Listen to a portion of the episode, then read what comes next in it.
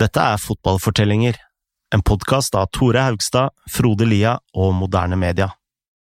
I februar 2006 holder Barcelona-direktøren Ferran Soriano en presentasjon ved Berbick-universitetet i London. Der spår han fotballens fremtid. Soriano tror at lokale klubber kan bli globale underholdningsprodukter som Walt Disney. Han sier at veien til global dominans er å skape et nettverk av satellittklubber i ulike verdensdeler. Men når Soriano senere foreslår sin idé til Barcelona, spør de om han er gal. Han skal få bedre respons fra Manchester City.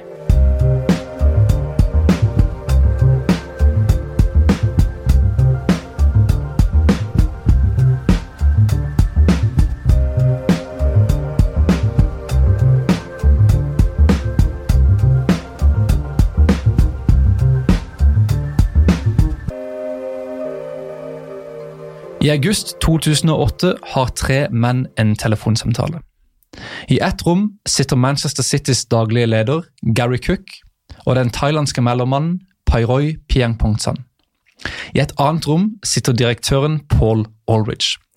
Disse tre mennene må skaffe City en stjerne før overgangsvinduet stenger. Jakta har vært kaotisk. Aldridge sier You've got to tell me what we're doing. It's getting out of control. PM Pongsan svarer Yes, yes, yes. Very messy. It's getting very messy. Over telefonen blir svaret mistolka som We've got to get messy. Dagen etter legger City inn et bud på 70 millioner pund for Lionel Messi. Det er jo helt utrolig. Og så organisert var altså denne jakten på en stjerne like etter at Sheikh Mansour hadde kjøpt klubben. Premier League ringte City og spurte hva i alle dager er dere driver med, og Barcelona selvsagt avslo budet. Men til slutt så fikk jo City én stjerne, og det var Robinho. Ja, og i forrige episode snakket vi om Sulman Al-Fahim, denne Trump-aktige entreprenøren som hadde blitt satt til å lede City-prosjektet. Og mildt sagt, det virka ikke helt som han visste hva han holdt på med, for det tok jo ikke lang tid før han forsvant ut av City? Nei, han var jo, kjørte jo rundt i ja, Lamborghini og skapte liv og røre og snakka til pressen og elska rampelyset. Mm. Um, så det tok jo ikke lang tid da før Al-Fahim ble erstatta med en annen figur. Uh, og Den figuren var Khaldun al-Mubarak, som fortsatt driver City i dag. Han har en helt annen profil enn Al-Fahim. Altså, selv om han kun var 33 år da han fikk denne jobben, så var han allerede en av de viktigste politiske rådgiverne til kongefamilien i Abu Dhabi.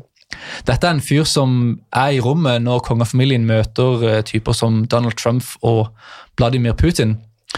Al-Mubarak er også daglig leder i Mubadala Investment Company, et selskap som er eid av Abu Dhabi, med et portefølje verdt flere titalls milliarder dollar. Her snakker vi altså om en av nøkkelfigurene bak Abu Dhabis finansielle strategi og utenrikspolitikk. Ja, og dette er en fyr som er kalkulert og diskré, og som virkelig planlegger i, langt inn i fremtida. Og det sier jo litt om hvor høyt kongefamilien prioriterte City, at de ga denne fyren ansvaret for klubben i 2008. Men det tok ham en stund til å skape et vinnerlag. City brukte enorme summer de første årene, men de kom jo ikke særlig langt ute under Marcuse og, og så videre. De vant ikke ligaen før i 2012, og da under Roberto Manzini. Mm. Og så vant United igjen året etter, og Manzini fikk sparken. Ja, og selv når de vant under Manzini, så spilte jo ikke City sånn sinnssyk festfotball. Og god fotball var jo en annen ting som var viktig for Abu Dhabi. Altså, dette var jo et PR-prosjekt. sant? De skulle vinne titler, skaffe seg fans og alt det her. Men det som virkelig får folk til å beundre et lag, er jo attraktiv fotball. Og om det er noen som skal kunne levere attraktiv fotball i 2013, så var det Pep Guardiola. Ja. Han hadde forlatt Barcelona i 2012 og dratt på ferie til New York, en såkalt sabbatical. City ville jo selvfølgelig ha han, men Guardiola valgte jo som kjent Bayern München. Så hva gjorde City? De henta det nest beste. De ansatte Barcelonas direktører. Og en av de beste direktørene var jo Ferran Soriano. Ja. I første sesong av denne podkasten snakka vi om hvordan Juan Laporta, denne karismatiske unge advokaten, vant presidentvalget i Barcelona i 2003. Et av disse medlemmene av Laportas team var Soriano. Han var eh, ansvarlig for eh, finansene. Og han gjorde en veldig god jobb. Eh, fra 2003 til 2008 fikk Soriano de årlige inntektene til Barcelona til å vokse fra 85 millioner pund til 210 millioner pund. Og Soriano forlot Barcelona i 2008 mye pga. en intern politisk krigføring, kan man si. Og etter det så forsøkte han å redde et flyselskap som var i trøbbel, nemlig Span Air. Men Spanier gikk til slutt eh, konkurs, men det hindra ikke City til å kontakte Soriano. Nei, uh, Soriano hadde jo vist med denne prestasjonen ved Birkback at han var en nytenkende og ambisiøs person. City ansatte han i 2012. Og Målet her da var at Soriano skulle bygge dette globale nettverket som han hadde snakka om. Og med Abu Dhabis oljepenger var jo, var jo ikke ressursene noe problem. Nei, og Soriano eh, var jo ikke den eneste Barcelona-direktøren som eh, dro til City. De rekrutterte jo også Tixi Begiristan som eh, sportsdirektør.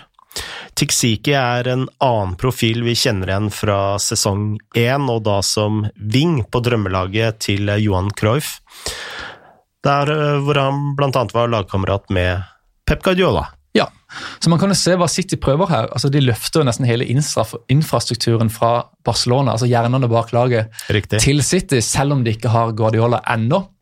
Uh, og Planen var jo da at den dagen Guardiola ga seg i Bayern, så skulle City liksom klare å lokke han til de da ved å ha direktører og venner som Pep stolte på.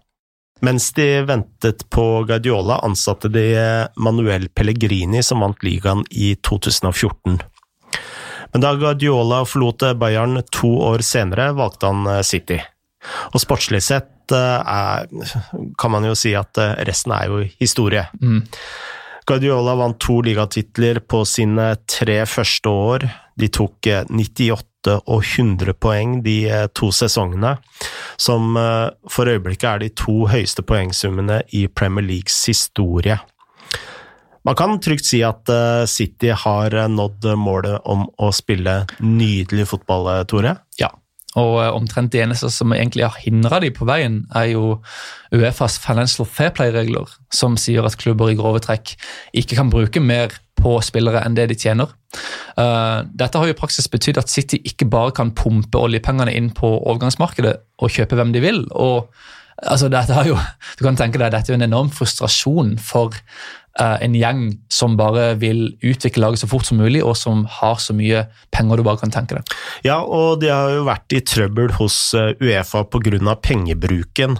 I 2014 fikk de en bot på 49 millioner pund for å ha brutt eh, reglene. Og mer nylig har det blitt etterforsket for nye brudd igjen. Ja, og eh, En del av dette har jo handla om sponsorer. Sponsorinntekter er jo naturlige inntekter som kan brukes på spillere. Og her er du naturlige i gåseøyne. Ja, altså det er liksom, det er ikke penger som uh, pumpes inn på kunstig vis. Det er liksom organisk, altså fair inntekt, kan du si, uh, som skapes av klubben sjøl. Uh, så det, det, er liksom ideen. Sånn, du har en god, god, fotball, og basert på den gode fotballen og lager skorykte, så går du ut og henter sponsorer som betaler mye. Men hovedsponsoren til City er jo Etihad Airways, som eies av Abu Dhabi. Abu Dhabi. Og det er ikke lov, fordi da kamuflerer du uh, en måte å putte penger inn i, i uh, fotballklubben som ikke er lov. Ja, altså Abu Dhabi sponsorer i praksis seg sjøl.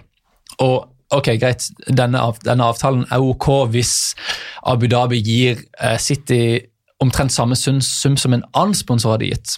Men anklagelsen her har jo vært at Abu Dhabi og Etihad Airways sponsor sitter med langt mer enn det markedsverdien tilsier. Altså blir Etihad Airways et slags verktøy for å lure Financial Fair Play.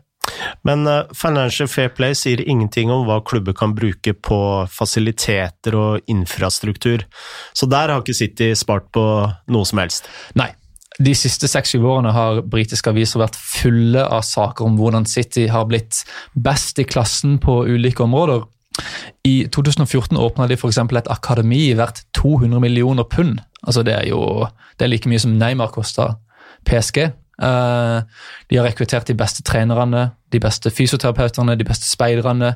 Du kan lese saker om, om talentutvikling hvor City liksom gir alle de beste talentene mer penger enn f.eks. Liverpool. Sant? Det er ingen som kan hamle opp med dem på noe som helst.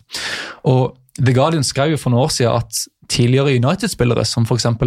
Robin van Persie og Andy Cole, valgte å sende sine sønner til Citys fotballakademi og ikke til United sitt. Og det sier jo litt om hvor gode City har blitt på uh, omtrent alle mulige områder.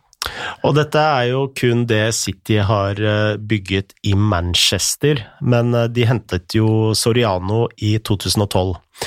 Og han hadde jo en visjon som handlet om global dominans.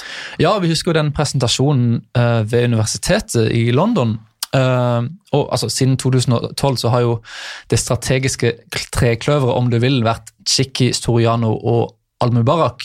Chiki tar seg av de sportslige avgjørelsene, som spilleroverganger og sånne ting. Al-Mubarak er broa mellom City og kongefamilien i Abu Dhabi. Og Soriano står bak den globale sportslige visjonen. og Den begynte han på allerede to dager etter at han ble ansatt i 2012. Da dro han til New York for å starte en ny fotballklubb. Vi snakker her om eh, New York eh, City, ikke sant? New York City. Det er jo sånn at eh, hvem som helst kan starte et lag i den amerikanske ligaen så lenge de har nok penger. New York fikk lyseblå drakter, som Manchester City. De fikk Etiad som sponsor. Og med det hadde Sariano, eller Soriano, fotfeste i USA. Ja, det var, liksom et, det var liksom et sånn mini-Manchester City, kan du si. Og Soriano satte både Manchester City og New York under et selskap som heter City Football Group.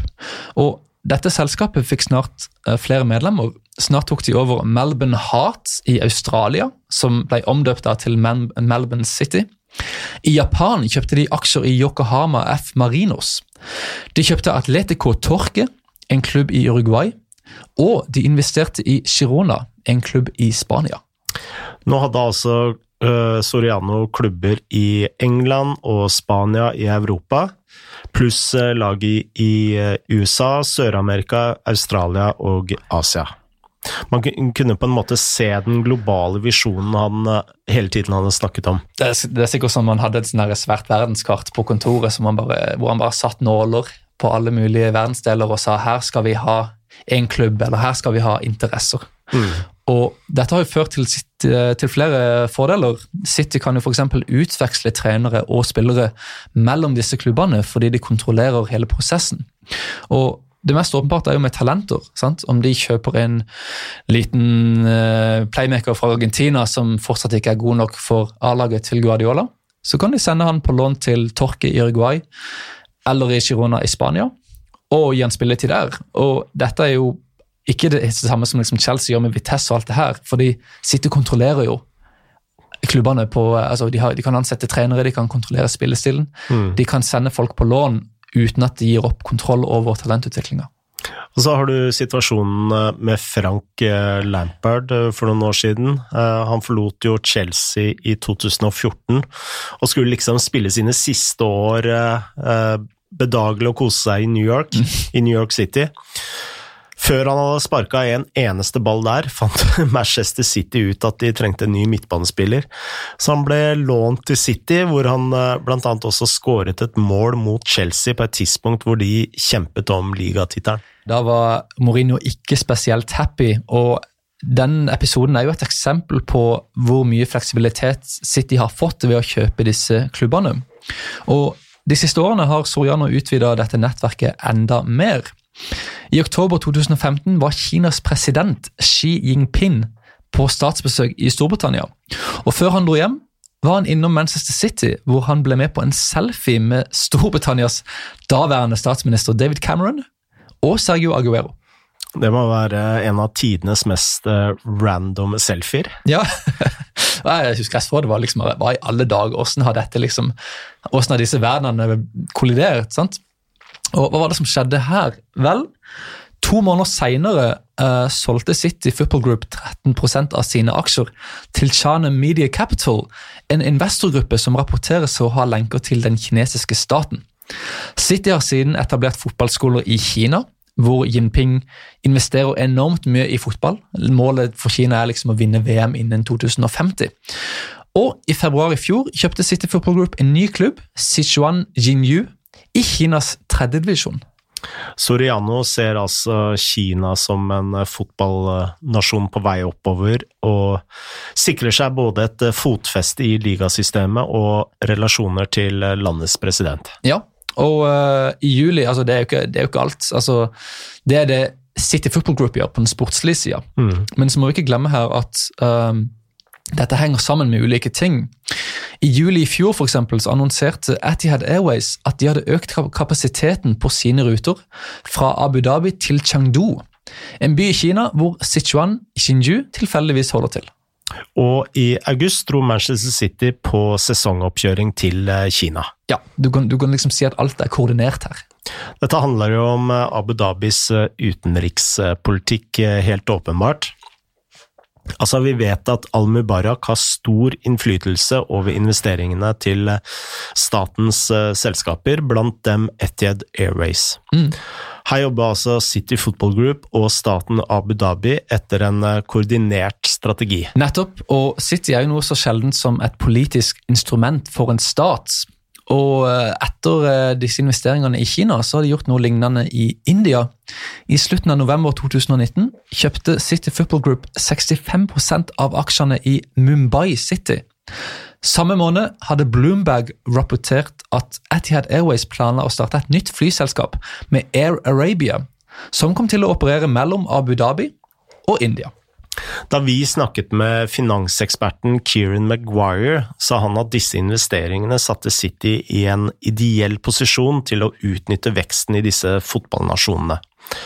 Altså om ligaene i USA, Kina eller India plutselig skulle eksplodere og TV-pengene fly i taket, ville City kunne cashe inn umiddelbart. Ja, og uh, de har liksom Det er liksom sånn at du, du sprer ut uh, batsene dine da, på ulike, ulike ligaer i tilfelle en av de eksploderer. Mm. Uh, og det er jo ingen andre lag i verden som har et så bredt nettverk med så mange interesser. Men i slutten av november 2019 fikk City Football Group også en ny investor som ga Sorianos plan en helt ny dimensjon. Ja, vi husker jo at eh, Soriano sa på denne presentasjonen at klubber kunne bli globale underholdningsprodukter som Walt Disney. I november i fjor solgte City Football Group 10% av sine aksjer til Silver Lake, et tech-selskap i USA, for 389 millioner pund. Denne summen verdsatte i praksis Manchester City til 3,2 millioner pund. En ting er at eh, dette øker Citys verdi, men en slik partner gir jo også City en stor evne til å spre sin merkevare, altså merkevaren til Abu Dhabi. Ja, og dette var jo noe James Montague nevnte da vi ba han analysere Citys globale nettverk.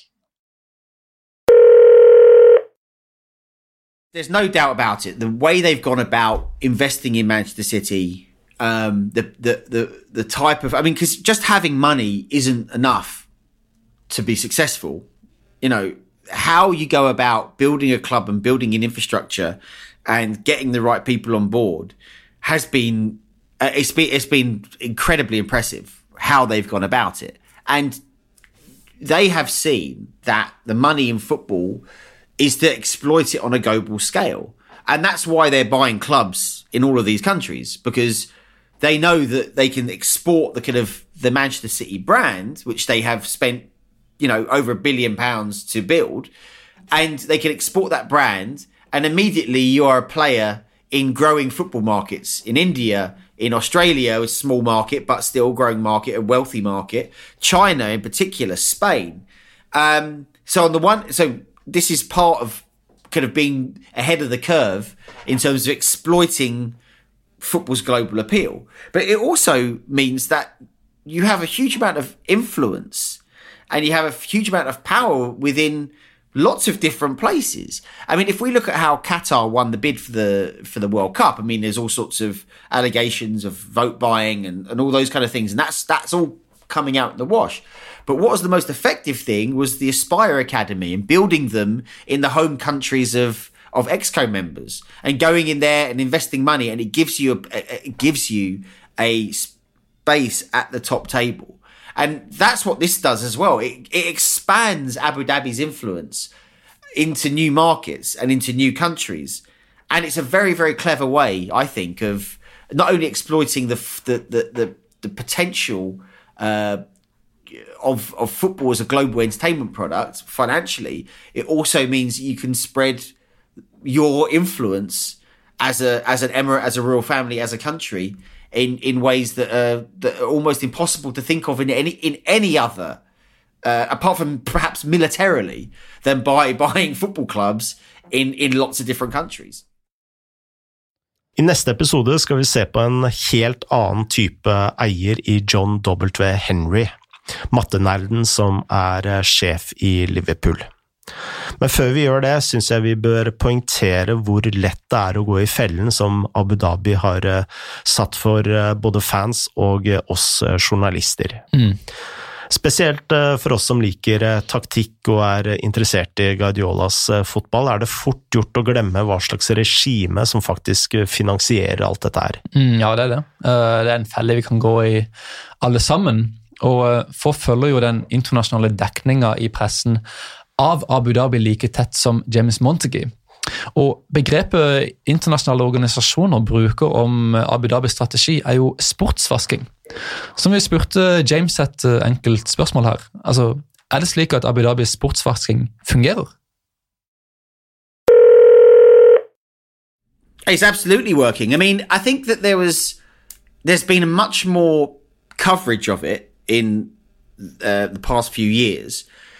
But it's still scant compared to what happens in Qatar. Now, that's partly due to scale. I mean, when you when you host the World Cup, you are going to bring a lot of attention to yourself, and um, you know, Qatar was not prepared for this for the kind of the press that it's got. Um, but it has been dragged kicking and screaming, it has to be said, but it has been dragged towards some kind of process of reform. Uh, they've announced that kafala will be abolished. We'll see whether that's going to happen in in truth. They've announced that the kind of racial hierarchy, the racist way that wages are distributed, will be will be abolished. That everybody will be on the same wage for the same type of job. Uh, they've said that they will they will repay agency fees uh, to workers that have paid them, which will you know release them from this from this bondage that they find themselves in.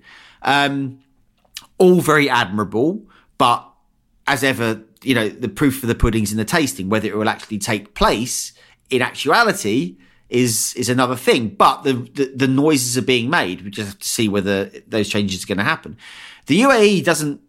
It hasn't been forced into those changes, and and it's a real really um, it, it's sad that that we're not talking about the UAE in the same way that we're talking about Qatar. I mean, I've actually I've spoken to workers who have said like, thank God we're in Qatar. Like, at least we're not in in uh, Abu Dhabi or uh, you know uh, Umm Al Quwaim or or in Saudi Arabia where we'd be treated far worse. Um, but it has largely been successful in diverting people's attention away from what's really happening in the UAE and you know, we have to never forget that what we're talking about here is one of the least least democratic places on earth that has, you know, essentially a kind of economic apartheid, uh, which you know is built on the back of exploitation that sickening exploitation that affects millions and millions of people.